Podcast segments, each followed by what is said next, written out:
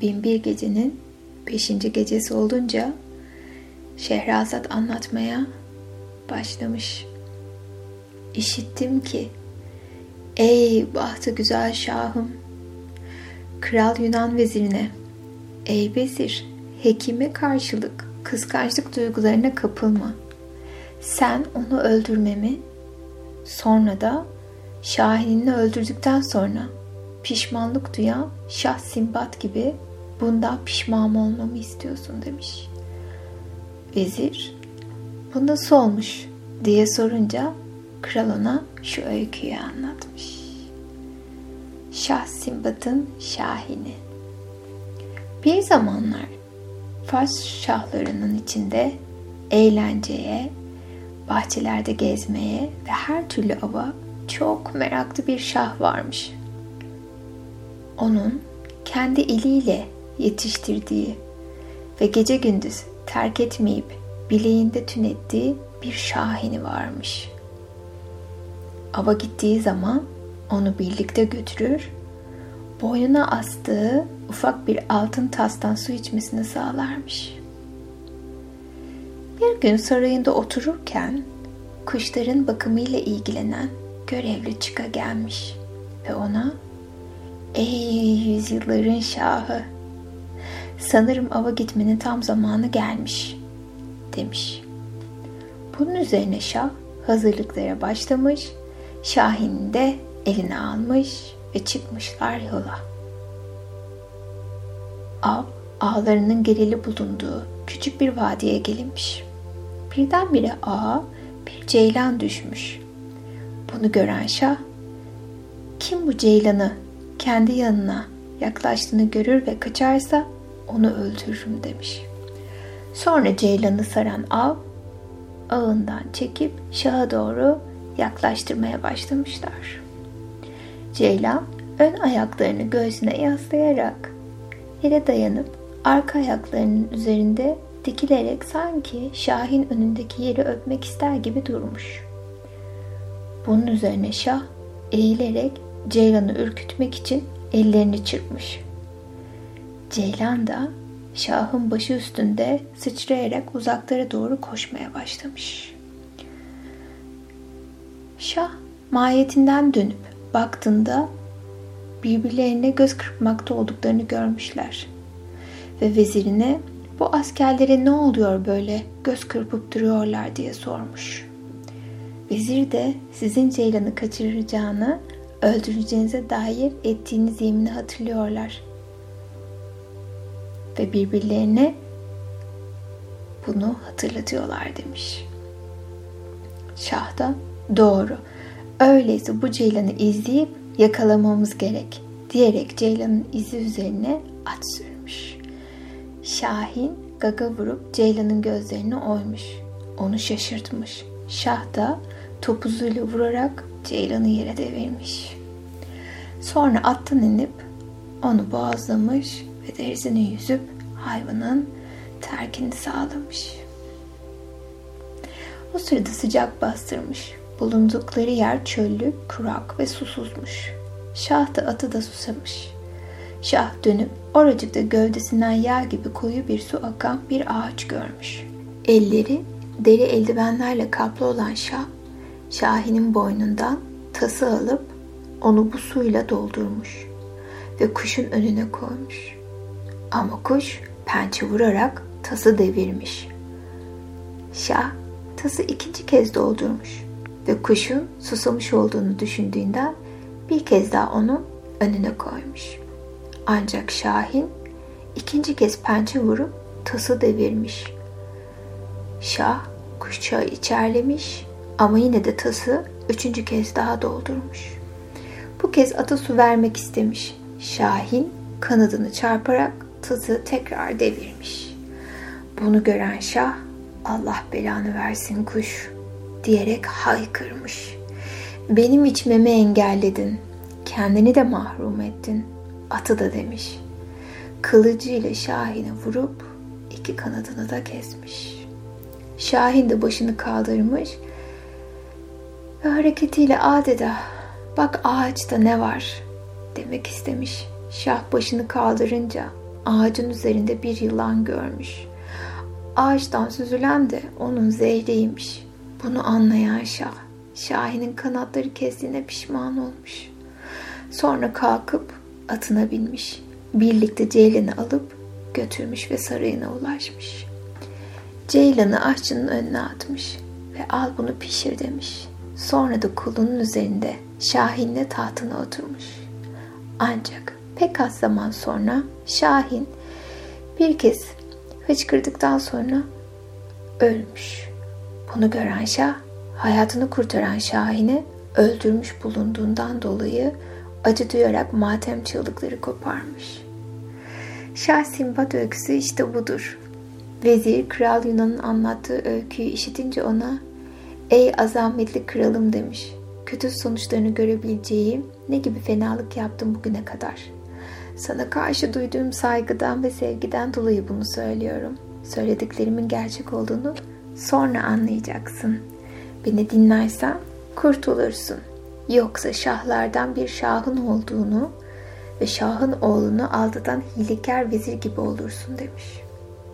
Şehzade ile Gülyabani'nin masalını anlatmaya başlamış Şehrazat. Söz konusu şahın ava ve at sürmeye meraklı bir oğlu varmış. Bir de veziri varmış. Bu şah vezirine nereye giderse oğlundan ayrılmaması için emir vermiş. Bu oğul günlerden bir gün at sürüp ava gitmiş. Onunla birlikte babasının veziri olan adam saraydan ayrılmış. İkisi birlikte yol alırken önlerine canavar görünüşlü bir hayvan çıkmış. Vezir şehzadeye atını sür bu garip hayvanı izle demiş. Şehzade de hayvanı gözden yitirinceye kadar izlemiş ve birdenbire hayvan çölde yitip gitmiş. Şehzade çok şaşırmış ve nereye gideceğini bilmediği bir sırada yolun başında ağlayan genç bir köle kız görmüş. Şehzade ona sen kimsin diye sormuş. Kız da Hint padişahlarının birinin kızıyım. Ormanda kervanla yol alırken uyuma arzusu beni sardı. Farkında olmadan atımdan düşmüşüm. Sonra kendimi yapayalnız ve çok şaşırmış olarak burada buldum demiş. Şehzade bu sözleri duyunca acıma duygusuyla sarılmış ve onu alıp atının terkisine yerleştirdikten sonra yola koyulmuş. Terk edilmiş bir harabeden geçerlerken köle ona efendim şuracıkta hacetimi görebilir miyim deyince şehzade onu attan indirmiş sonra da geciktiğini görünce ağırdan alıyor sanarak ardından gitmiş. Bir de ne görsün genç kız sandığı bir gül yabani değil miymiş? Onu çocuklarını şöyle söylerken duymuş. Yavrularım size bugün iyice besile genç bir adam getireceğim. Onlar da kendisine anneciğim onu bize getir yiyip iyice karnımızı doyuralım diyorlarmış. Şehzade bu sözleri duyunca öldürüleceğini anlamış. Her yanı titremiş. Yaşamı için dehşete düşmüş ve geri dönmüş. Gülyabani ininden çıktığında onu bir tabansız gibi korkmuş titremeler içinde görünce ona böyle korkacak ne var demiş şehzade. Korktuğun bir düşmanın mı var? Yanıtını vermiş. Gülyabani ona sen bana bir şehzade olduğunu söylemiştin deyince o da evet doğru yanıtını vermiş. Kız da öyleyse onu engellemek için düşmanına neden biraz para vermiyorsun diye sormuş. Şehzade parayla falan gözü doymuyor ki ancak ölümle yetinir. Bundan dolayı yaşamımdan endişe ediyorum. Ben kötü talihimin kurbanıyım diye yanıt vermiş. O zaman da kız da eğer öyleyse düşmanına karşı Allah'a yalvarmaktan başka çaren yok. O seni tüm korktuğun bela ve kötülüklerden korur demiş. Bunu duyan şehzade başını göğe kaldırıp sen ki başı sıkışıp sana sığınanlara yardım edersin. Ben de düşmanlarım üzerinde muzaffer olmak için sana sığınıyorum. Kaldır onları Tanrım yolumun üzerinden diye yakarmış. Gülyubani bu yakarışı işitince gözden kaybolmuş. Şehzade Şah babasının yanına varınca ona vezirin kötü nasihatini anlatmış. O da vezirin öldürülmesine hükmetmiş. Bunu izleyerek Kral Yunan'ın veziri sözünü şöyle sürdürmüş. Ey şahım, sen bu hekime arka çıkarsan o seni ölümlerin en kötüsüyle öldürecektir. Sen onu lütuflarınla donatsan da dost olarak kabul etsen de yine de ölümünü hazırlayacaktır. Elinde tuttuğun bir şeyle bedeninin dışını saran bir hastalıktan seni kurtarmasının nedenini anlamıyor musun? Bunun sır tutacağın ikinci bir şey de ölümüne yol açacak. Buna inanamıyor musun? Bunu duyan Kral Yunan, doğru söylüyorsun. Senin düşündüğün gibi yapılmış olabilir. Ey uz vezirim demiş. Gerçekten elimde tuttuğum bir şeyle beni kurtarmışsa örneğin koklatacağı bir şeyle de pek hala beni öldürebilir. Sonra Kral Yunan vezirine Ey vezir ona ne yapmalıyız diye sormuş. Vezir hemen birini kaldığı yere gönderip onu çağırtmalı. Buraya geldiğinde boynunu vurdurtmalı. Böylece kötülüklerini durduracak, sıkıntıdan kurtulup rahatlayacaksınız. O sana ihanet etmeden sen ona yapacağını yap demiş. Kral Yunan doğru söylüyorsun ey vezir demiş. Sonra hekimi çağırtmış. Hükümdarın kendi hakkında ne düşündüğünü bilmeyen hekim Kıvanç'ın huzuruna girmiş. Şairin dizilerde anlattığı gibi Ey bahtın darbelerinden korkan kişi rahatla. Bilmez misin ki her şey dünyayı yaratan Tanrı'nın elindedir. Zira yazılan yazılmıştır. Asla bozulmaz. Yazılmamış olan ise bunlar için hiç korkmalıdır. Ve sen Tanrım, seni övmeden geçen bir günüm olabilir mi? Yoksa ahenkli uslubumun ve şairce dilimin şahane verisini başka kime harcardım ki? Ellerinden kabullendiğim her yeni armağan, Tanrım, bir öncekinden çok daha güzel. Hem de istenmeden gelir. Böyleyken nasıl olur da senin görkemini, tüm görkemini kendi içimde ve halk içre övmem. Ama itiraf etmeliyim. Ağzım yeterli güzellikte övgüler düzemiyor. Sesim sana ilahiler söyleyecek kadar tatlı. Sırtımda verdiğin nimetleri taşıyacak kadar güçlü değil. Ey Allah'ın kulu, şaşkınlık içindeyken meseleni tek bilgi olan Tanrı'ya bırak ve artık yüreğine insandan yana girecek dertlerden korkma. Ve de bil ki hiçbir şey senin iradenle oluşmaz. Sadece bilgelerin bilgesi olan Tanrı'nın iradesiyle oluşur.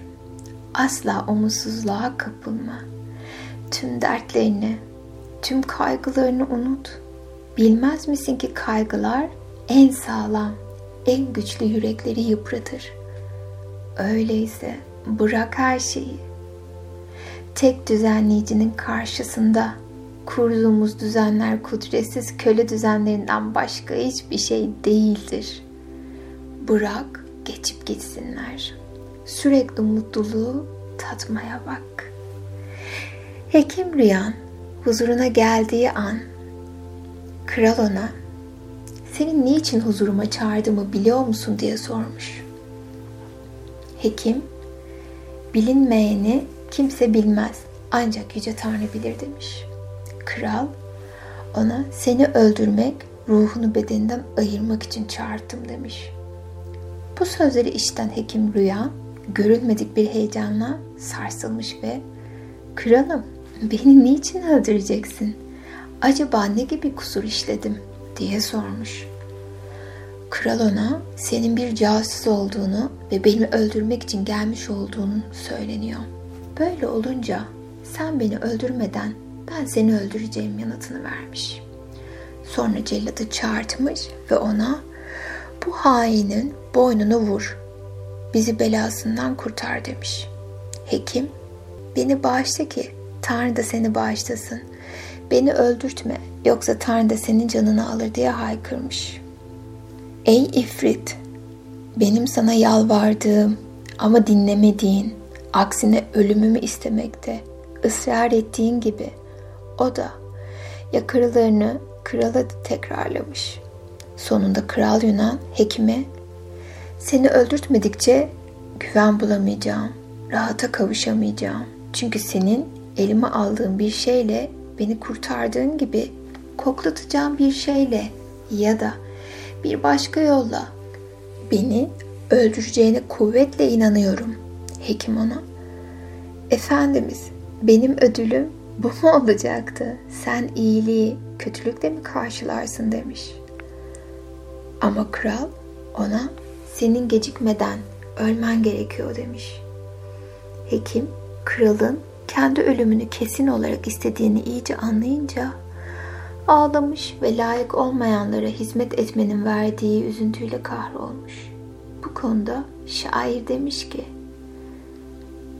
Genç ve çılgın Maymune tüm ruh yüceliğinden yoksundu gerçekte ama babasının aksine göğsü merhamet, yüreği iyilikle doluydu.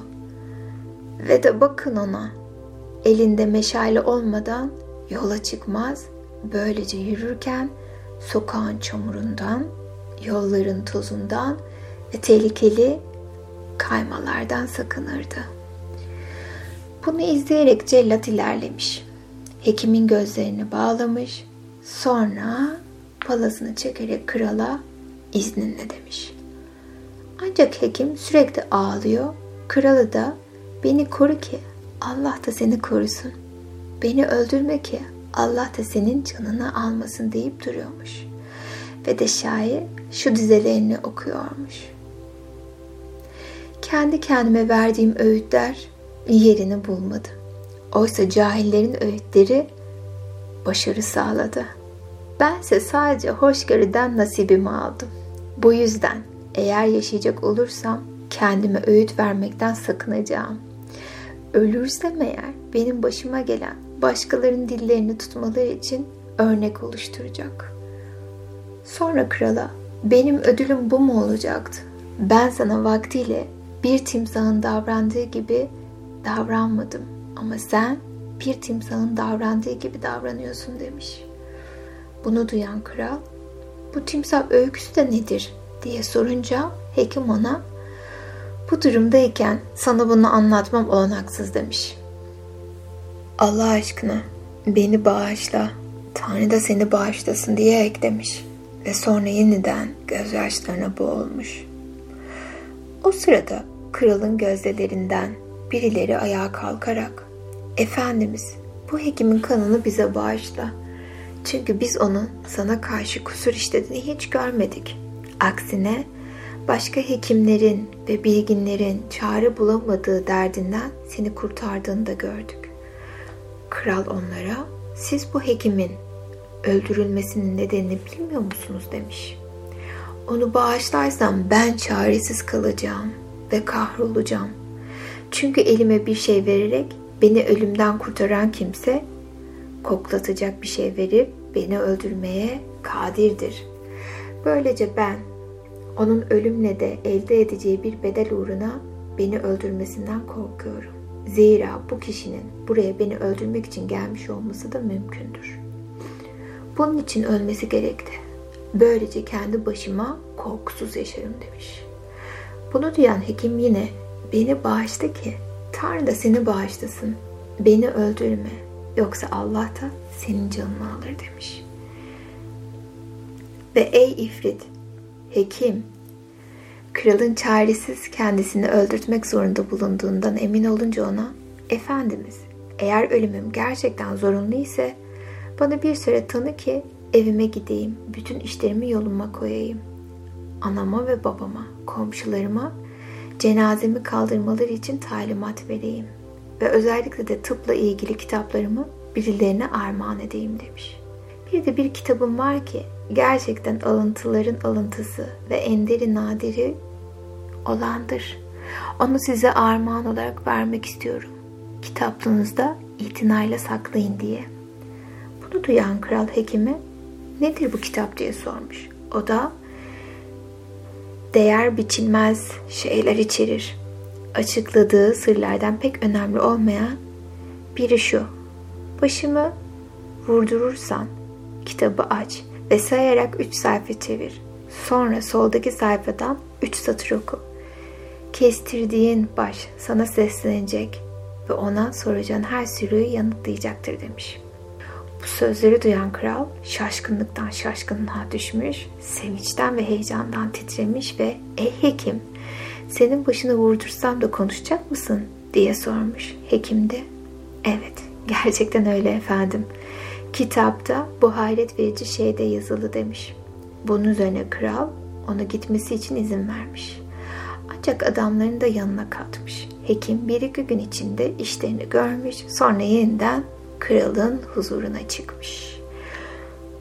Buraya emirler, vezirler, mabeyinciler ve naipler krallığın tüm önde gelenleri de gelmiş. Divan her renkten ve biçimde giysilerle, çiçeklerle dolu bir bahçeye dönmüş. O sırada hekim divana girmiş ve kralın önünde ayakta durmuş. Elinde eski bir kitap ve içinde bir tür toz bulunan bir sürme kutusu taşıyormuş. Sonra oturmuş ve bana birisi bir tabak getirsin demiş. Sonra da tozu tabağa dökerek tabana yaymış. Ve ey kral bu kitabı al ama başımı vurmadan önce kullanma. Başım vurulunca onu içinde toz bulunan şu tabağa koydur. Kanımı da dindirsinler. Sonra kitabı aç demiş. Ancak kral acelesi yüzünden onun söylediklerini pek dinlememiş. Kitabı almış ve sayfalarını birbirine yapışık olduğunu görmüş. Parmağının ağzına koyup tükürdüğüyle ıslatmış ve ilk sayfayı açmayı başarmış. İkinci, üçüncü sayfalar içinde aynı hareketi tekrarlamış ve her seferinde sayfalar büyük bir güçlükle açılmış. Sonra okumaya çalışmış ama sayfalar üzerinde hiçbir yazı yokmuş. Kral, ey hekim burada yazılı bir şey yok demiş. Hekim, aynı tarzda açmaya devam et demiş. Kral da yaprakları çevirmeye devam etmiş. Ancak daha birkaç dakika geçmemiş, o anda kralın kanına zehir işlemeye başlamış. Çünkü kitap zehirliymiş. Kral müthiş titremeler içinde yere düşmüş ve zehirlendim, zehirlendim diye haykırmaya başlamış. Hekim Rüyan ona seslenerek şu dizeleri okumaya başlamış. Şu yargıçlar, yargılar ya, bazen kendi yetkilerini aşarak tüm adaleti bir yana bırakırlar. Bununla birlikte efendim, adalet vardır. Zamanı gelince onları da yargılarlar. Eğer dürüst ve iyiyseler yakayı kurtarırlar. Ama zulmetmişlerse kader de onlara zulmeder ve en kötü sıkıntıları uğratır. Gelip geçenlerin alaylarına ve acımalarına alet olurlar. Yasa budur. Bu da ondan ötürüdür. Ve kader sadece mantıkla işini yürütür.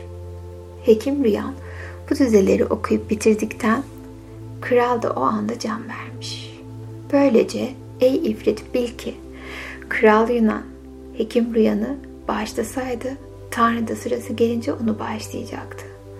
Ama o bunu reddetti ve ölümüne kendi karar vermiş oldu. Sen de ey ifrit beni bağışlamak isteseydin Allah da seni korurdu. Anlatısının burasında Şehrazat sabahın ışığını görmüş ve yavaşça susmuş. Kız kardeşi Dünyazat. Ne hoş bir anlatışım var demiş.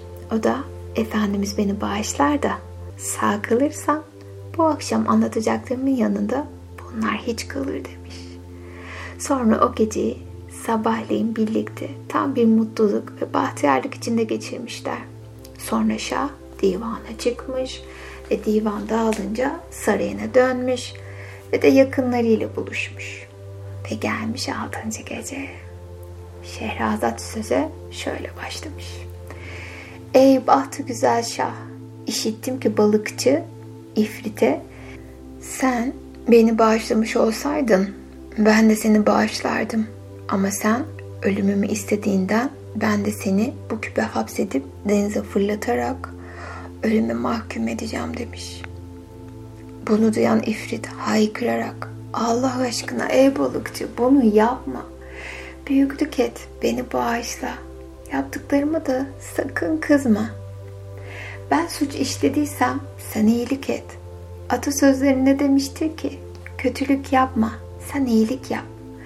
Kötünün suçunu tümden bağışla ve sen balıkçı sakın Üman'in Atika'ya yaptığını yapma demiş. Balıkçı neymiş bu olay diye sorunca İfrit şimdi bunu anlatamam sırası değil beni küpten çıkarınca onların başından geçenleri anlatırım diye yanıt vermiş. Balıkçı yo seni buradan çıkarmayacağım imkan bulamayacaksın demiş. Kesinlikle seni denize atmam gerek. Yalvararak sana başvurduğumda sana karşı hiçbir suçum yoktu. Sen alçakça bir davranışım olmadığı halde ölümümden başka bir şey düşünmedin.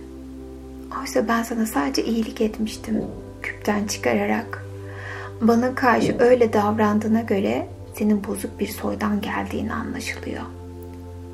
Ve de bil ki senin durumunu denizden çıkarıp yeniden kurtaracaklara açıklamadan küpü denize fırlatmayacağım. Böylece onu açmadan tekrar denize fırlatacaklar ve sen sonsuza kadar her türlü işkenceyi tadarak orada kalacaksın demiş. İfrit ona yanıt vermiş. Beni bırak, sana şimdi öyküyü anlatacağım. Bir daha kötülük etmeyeceğimi, bir de seni sonsuza dek zenginleştirmek için olanak sağlayacağımı bir yol göstereceğim.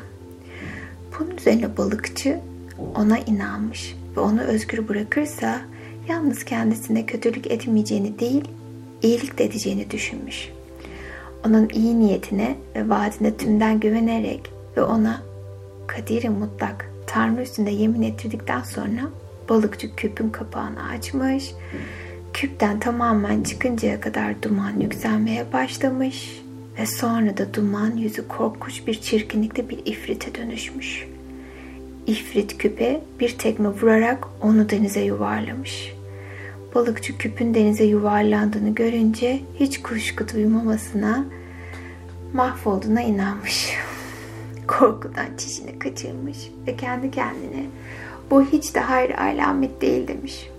Sonra yüreğini bütün tutmaya çalışarak ey ifrit yüce tanrı vaadini tut. Çünkü bunun hesabı sorulur. Buyurmuştur.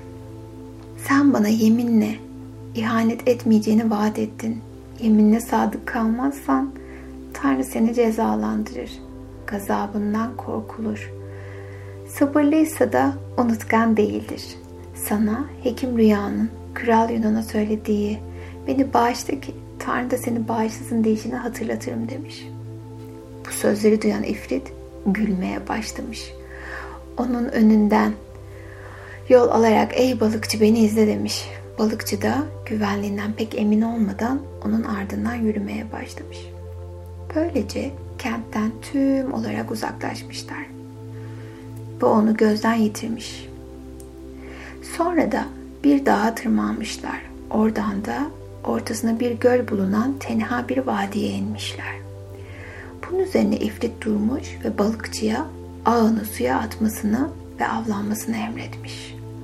Balıkçı suya bakmış. Orada beyaz, kırmızı, mavi, sarı balıklar görmüş. Şaşırmış kalmış. Sonra ağını göğe fırlatmış. Çekince dört balığın ağa geldiğini görmüş. Her bir balık ayrı bir renkteymiş. Bunu görünce sevinmiş ifrit. Ona bu balıklarla sultanın huzuruna çık ve bunları ona sun. O da sana bir servet verecektir demiş. Ve şimdi Allah aşkına özrümü kabul et.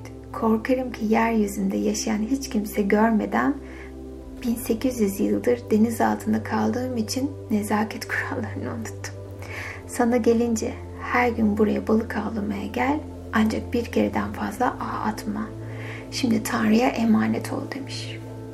Bunu söyleyerek iki ayağını vurunca yer yarılmış, ifriti yutmuş.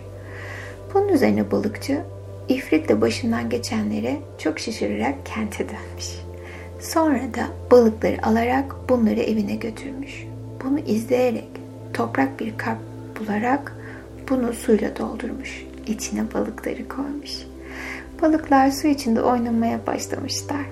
Sonra kabı başın üzerine yerleştirerek İfrit'in önerdiği gibi sultanın sarayına doğru yola koyulmuş. Balıkçı sultanın huzuruna çıkınca balıkları ona sunulmuş. Sultan balıkçının kendisine sunduğu bu balıkları görünce hayranlığını ortaya çıkartmış.